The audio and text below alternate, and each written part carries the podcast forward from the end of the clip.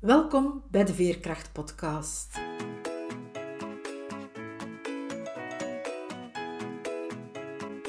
Ik ben Veerle Schaltien, levensverhalen en schrijfcoach. Met mijn bedrijf Wiebelwoorden trek ik voluit de kaart van veerkracht. Voor deze podcastreeks interview ik veerkrachtige vrouwen. Het zijn vrouwen zoals jij en ik, die soms wel eens het hoofd laten hangen maar die er vooral telkens opnieuw in slagen weer overeind te krabbelen, die telkens opnieuw de moed hebben om door te gaan, die ondanks alles ten volle in het leven staan en elke dag waardevol weten te maken. Hoe ze dat doen, vertellen ze je heel openhartig. Luister, snoep van hun woorden en laat je inspireren door hun verhalen, want als zij het kunnen, kan jij het ook. Dag Annemie, welkom. Dag Veerle. Ik heb jou leren kennen, denk dat dat twee jaar geleden of zo geweest is, bij, tijdens een groeitraject van Lanoy. En dat was eigenlijk een groeitraject om onze onderneming te laten groeien. Maar natuurlijk kan die niet groeien zonder dat wij ook als persoon groeien. En tijdens dat traject zijn er toch wel een heel aantal dingen persoonlijk gedeeld. En ja, ik heb jou daardoor leren kennen als een veerkrachtige vrouw. Je hebt me met bepaalde dingen echt wel geïnspireerd. En dat is ook de reden waarom ik jou heel graag wilde uitnodigen voor deze podcast. Misschien kan jij jezelf eens wat meer voorstellen? Ja, dankjewel alvast voor de uitnodiging. Hè. Ja, dus ik ben Annemie Jansen. Ik ben 35 jaar. Ik woon en werk in Rotselaar bij Leuven. Ik ben mama van twee hele fijne dochters van vijf en zeven, die mij ook heel hard inspireren zelf. En ja, ik ben eigenlijk vooral ook een, vrouw van veel gezichten. Maar daar is één lijn die zich daarin altijd doortrekt, en dat is de lijn van de natuur. Dus ik ben gerust een natuurvrouw. Ja. ja. En de natuur, wat moeten we daar dan ja, bij denken? Dus waarschijnlijk ja, dat je veel in de natuur vertoeft, maar ik denk dat het verder gaat bij jou, hè? Ja, ja, het gaat verder dan dat. Ja, ik voel me sowieso heel verbonden met de natuur. Ja, ik spreek ook vaak precies met de stem van de natuur. En ik heb daar, ik heb daar ook al wel een heel evolutie in doorgemaakt. Hè? Want ja, ik ben, ik heb eigenlijk, ben van heel rationeel naar heel intuïtief gegaan in de voorbije 3,5 jaar. En van tevoren was ik altijd was ik leidinggevende bij een bank. Dus heel rationeler als dat kun je niet gaan, denk ik. En ja, ik ben echt heel diep in mezelf beginnen graven. En dan heb ik echt zo mijn eigen natuur, in de natuur, gewoon teruggevonden. En uiteindelijk is, is alles natuur. Hè? Wij zijn natuur, ons lichaam is natuur, ons, onze kern is natuur, het bos is natuur, eigenlijk alles. Ja. Dat vind ik wel mooi dat je dat zegt, want voor veel mensen is de natuur de zee of het bos en daar houdt het bij op. Maar het, is, het gaat eigenlijk wel om, om veel, veel meer dan alleen wat dat je kan zien en waar dat je eens kan gaan wandelen of, of in de zon kan gaan liggen. Ja, zeker. zeker.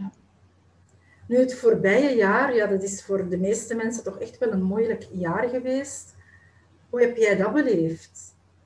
Goh, ik moet eigenlijk zeggen dat het voorbije jaar ook niet gemakkelijk is geweest voor mij. Eigenlijk de voorbije, noem het gerust de voorbije vijf jaar, sinds dat mijn, dat mijn jongste dochter is geboren. Maar ik heb, ben echt wel door een, door een heel hard proces gegaan de afgelopen jaren. Het afgelopen jaar ook. Dan kwam die lockdown daar natuurlijk ook bij. Hè. Die heeft mij heel hard getriggerd, zeker in het begin. Vooral dan zo de hardheid van de maatschappij. Ik heb daar heel wat stukken zo aan moeten, moeten transformeren. En wat dat uh, voor mij eigenlijk het aller, allermoeilijkste punt was, was dat was in oktober, november 2020 dus, waarbij dat je, ik had heel lang toegewerkt naar een lancering in mijn zaak. Een lancering voor een, een, eh, een intuïtief natuurlijk e-traject. Ik had daar heel veel hart en ziel in gestoken en dus heel veel werk. En dat was eigenlijk ja, met een challenge en zo. En ik had nul inschrijvingen. En dat kwam heel hard aan. En tegelijkertijd, die week, ik, uh, ik had een relatie van anderhalf jaar. Dus ja, ik ben, ik ben gescheiden. Ik had dan uh, een nieuwe relatie, een beetje als een nieuw samengesteld gezin ook. En liep die ook op de klippen. En ik had even, dat was gewoon te veel. Ik had gewoon geen grond meer onder mijn voeten. Het was, het was echt gewoon te veel.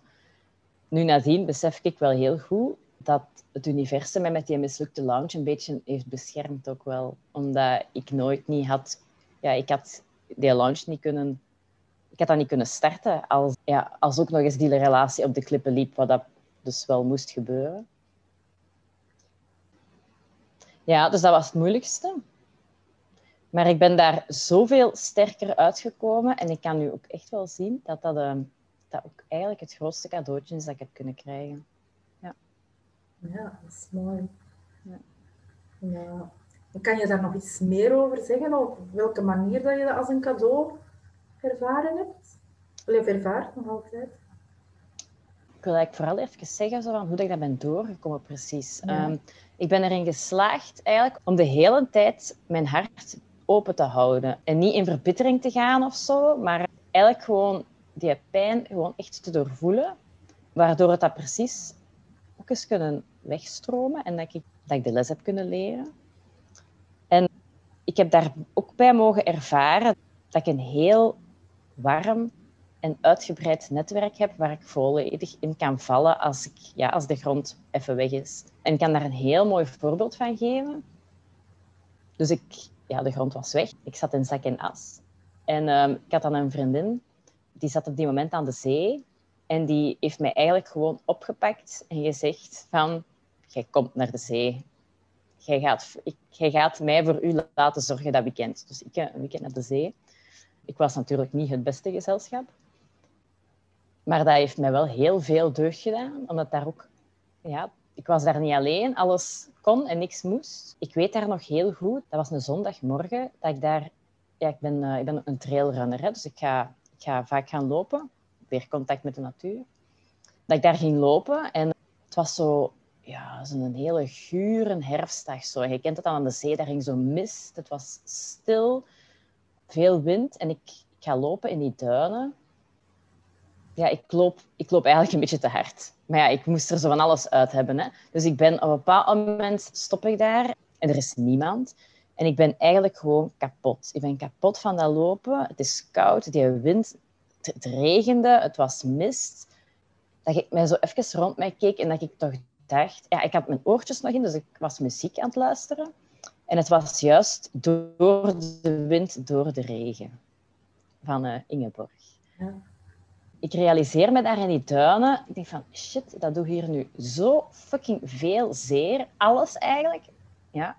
Aan de andere kant heb ik daar ook zoveel kracht in gevonden in die pijn. Ik heb daar toen ook gedacht, ik weet niet waarom, ik moet hier een filmpje van maken. Dus ik heb toen een filmpje gemaakt, gewoon zo rond mij. Van hoe dat die, die zee aan het bulderen was en die wind en die duinen. En ik heb dat filmpje nadien nog heel vaak bekeken, omdat daar ja, omdat daar, daar zit echt zo'n oerkracht in. Ik heb daar ook echt wel gepleit en geroepen. En zo alles er wat uitgehaald. Ook in contact met de natuurelementen. En voor mij is dat echt veerkracht. Ja, echt zo in, um, in die pijn echt wel, ja, gewoon echt kunnen zeggen van oh, dit doe je hier nu zo fucking veel zeer, maar daar ook wel gewoon in gaan staan. En dat ook toelaten. Ja, voilà. Ja, ja daar is wel veel lef voor nodig, denk ik, om die pijn, hè, want het gaat zo diep, om die echt wel toe te laten. Of is dat eerder iets dat bij jou, je zegt, dat overkomt mij, dat was gewoon zo? Nee, ik denk inderdaad dat je dat, dat je dat wel maar moet kunnen toelaten. Want het is heel gemakkelijk om dat te projecteren natuurlijk op iemand anders. Hè? Dus ik had perfect op mijn, op mijn ex nu, mijn ex-vriend nu, ja, daar super boos op kunnen worden of zo. Maar dan ging ik ook wel een beetje voorbij aan, aan, aan de pijn en ging ik niet naar binnen. Dan ging ik ook voorbij aan de les. Dus het is net door dat echt goed te, goed te gaan voelen, dat je daar ook gewoon echt veel sterker uitkomt. Want ik heb, ik heb nadien echt wel enorm mijn vrijheid teruggevonden. Ja. Dat sterker eruit komen, is dat ook omdat, net omdat je het zo helemaal gevoeld hebt, ik kan me indenken, iemand die, die niet durft zo diep voelen en die die pijn wat weghoudt, die die dan eigenlijk nog altijd een stuk meedraagt. Tegenover jij hebt het um, echt ten diepste gevoeld en kan het dan misschien de pijn alvast hè, los, loslaten. Of klopt dat niet helemaal? Ja, ik denk dat wel. denk dat, denk dat dat door, jou, door jezelf moet stromen, omdat ook terug, maar, ja, dat dat ook kan wegstromen. Hè? Ja. En ik geloof ook heel sterk, en dat merk ik in mijn werk ook, van dat, dat dat zich anders wel ergens vastzet. Ja. Je was ook in de natuur toen. Helpt de natuur daarbij om dat proces door te gaan, om die pijn te kunnen voelen? Ja, voor mij wel. En ik denk dat dat voor de meesten zo is. Ja, de natuur heeft een heel helende kracht ook. Hè? En de natuur brengt je ook bij jezelf. Ja, zeker en vast. Wat ik ook nog, ja, eigenlijk in mijn, in mijn hele proces van de afgelopen jaren heeft de natuur altijd een hele belangrijke rol gespeeld. Ja, ik weet nog, als ik, ehm, als ik een aantal weken in mijn burn-out zat, dat ik, ehm, dat ik naar de abdij van Averbode trok, omdat ik iets had van, die staat in het midden van de natuur en thuis ga ik niet echt verder raken. Ik moet hier gaan helen in dat bos. Ik heb ook ik heb een, ehm, een vrij intense vriendschap met een berg. Ik praat ook met die berg. Al lang trouwens, ook al heel lang voordat eigenlijk al die crisissen begonnen. Tijdens dat proces heb ik daar ook twee jaar lang brieven naar gestuurd. Dus ik had eigenlijk, ik wou eigenlijk een dagboek bijhouden, maar ik wou niet daarin schrijven het liefste dagboek. Dat, was, dat klopte niet voor mij. Maar dat schrijven deed mij wel heel veel deugd, gewoon om dat ook wat uit mijn systeem te hebben. En dat deed dan deugd om dat zo aan, aan iets te kunnen vertellen.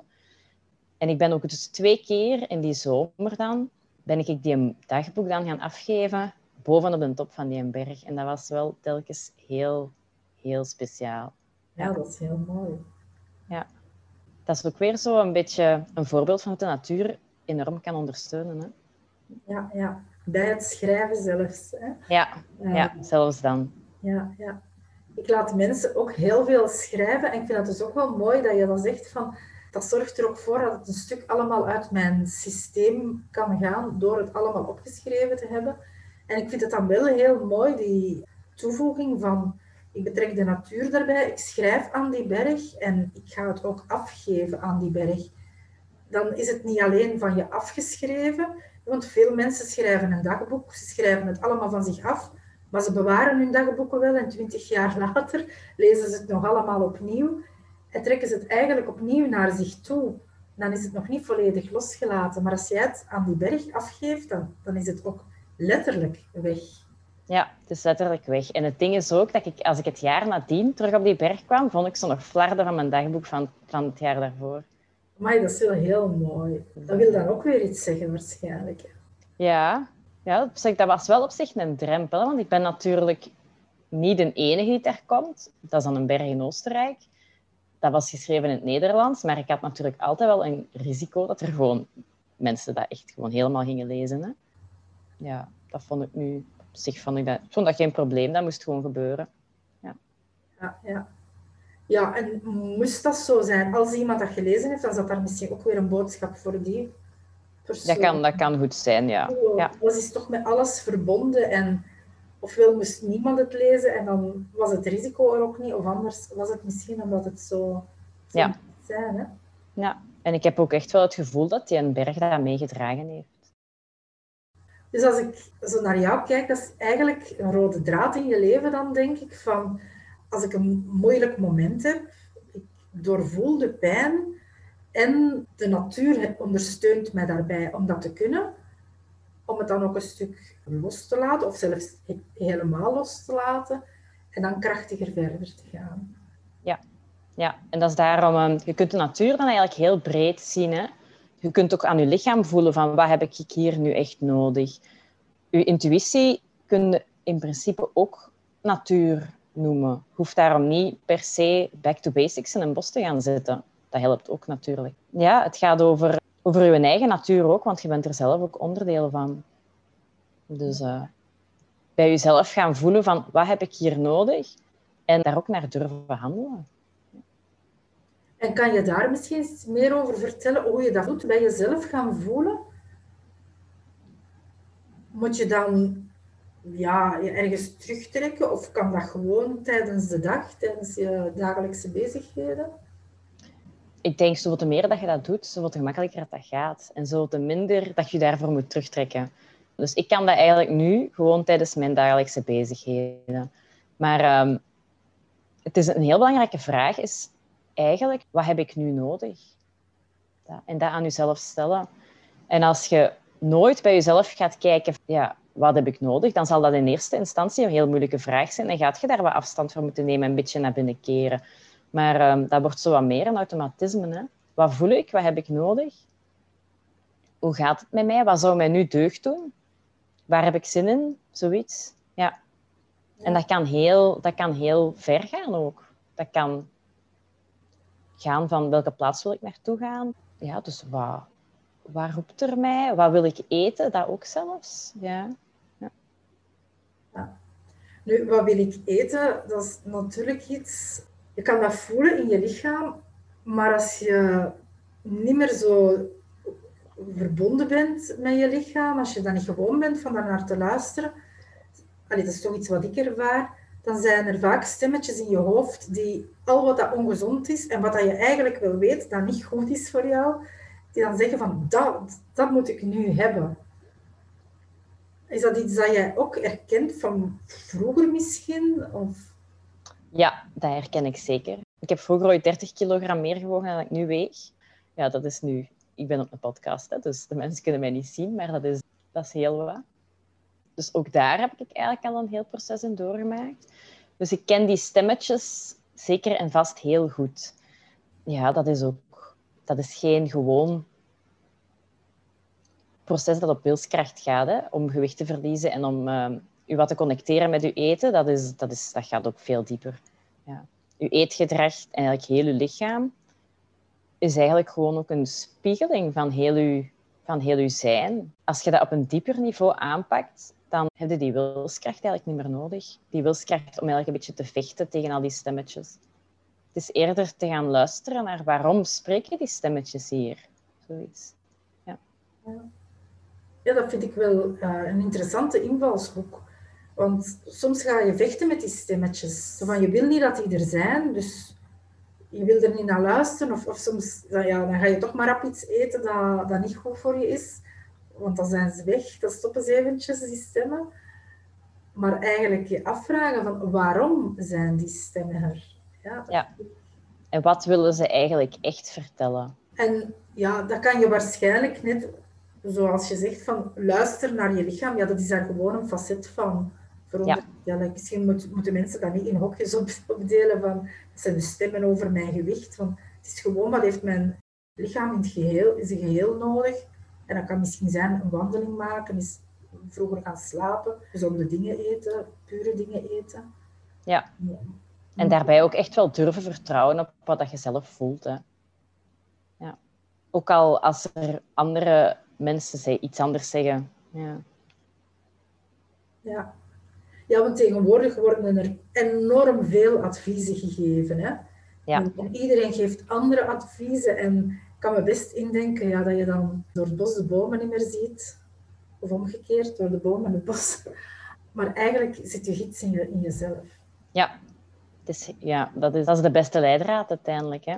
Jij weet zelf wat je het beste kunt gebruiken wat je zelf nodig hebt, wat er voor jou klopt ook eigenlijk. Hè? Het is niet omdat iets voor iemand anders klopt, of het is niet omdat iets zelfs voor de wetenschap klopt, dat dat op die moment voor u ook moet kloppen. En je kunt daar perfect voor jezelf kritisch in durven zijn.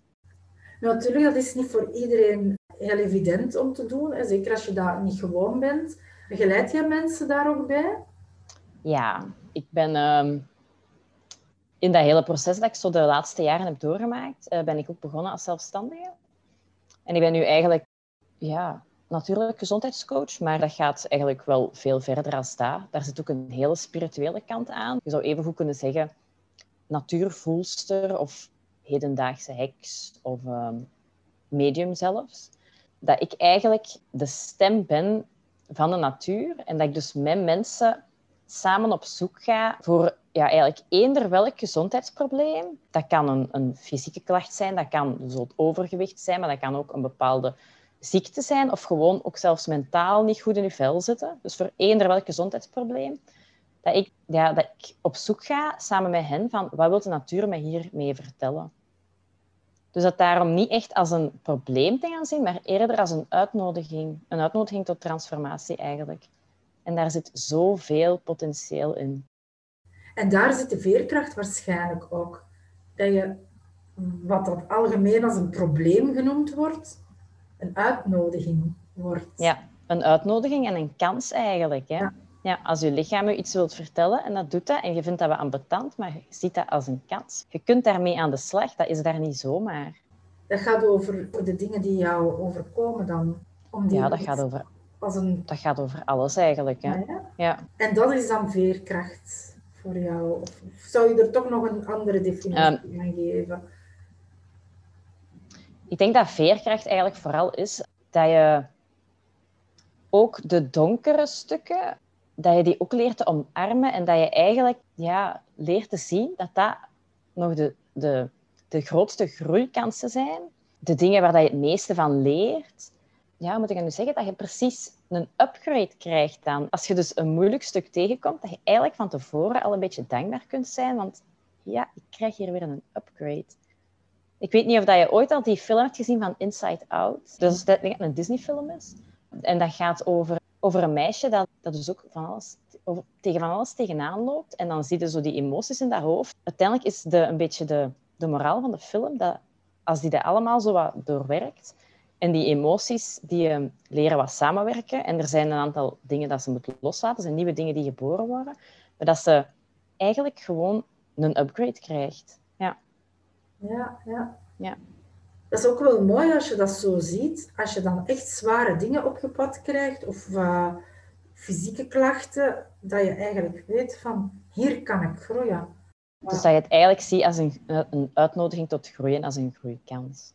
En ik denk dat er, vind dat nu wel heel spijtig dat er in de wereld tegenwoordig, deze dagen, dat er gefocust wordt op, ja, op, het, op het lichte eigenlijk. Op het, moet allemaal goed gaan. Hoe kunnen we zo snel mogelijk, als het slecht gaat, dat onder de tafel vegen? Maar er, wordt, er, ja, er is zoveel kracht in die donkerte en in die moeilijkheden dat ze daardoor er niet uithalen.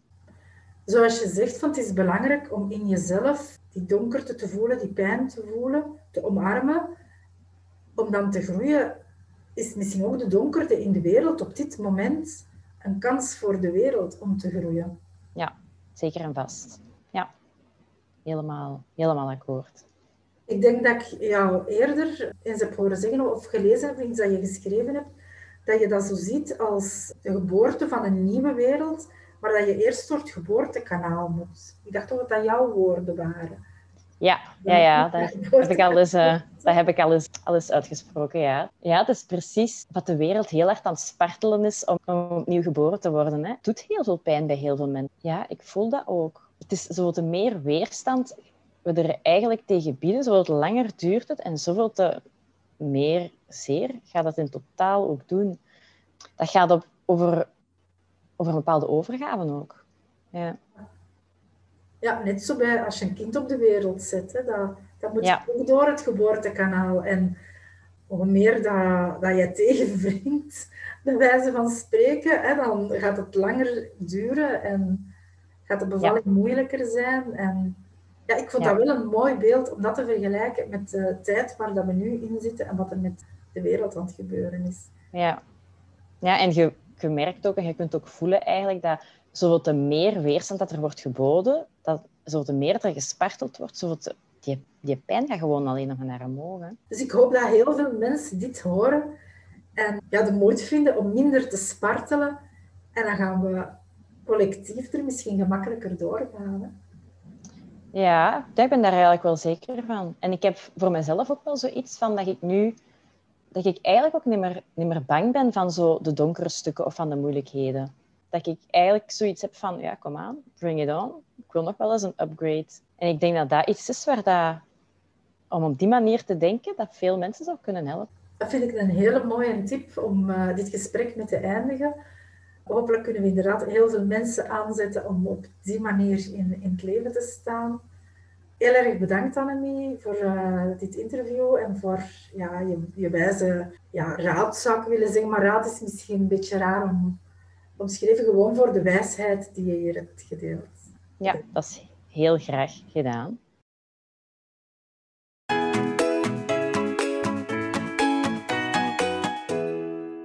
Heb je zelf het gevoel soms veerkracht te missen of weet je niet hoe je de veerkracht die in je zit kan oproepen? Dan is het nieuwe Bibelwoorden traject Je verhaal als bron van veerkracht iets voor jou. Zes weken lang komen we één keer per week samen in een online cirkel. En tussenin krijg je telkens een werkboek met creatieve oefeningen, visualisaties en opdrachten in de natuur. Er is een gesloten Facebookgroep waarin je dingen kan delen en waarin je ook feedback krijgt.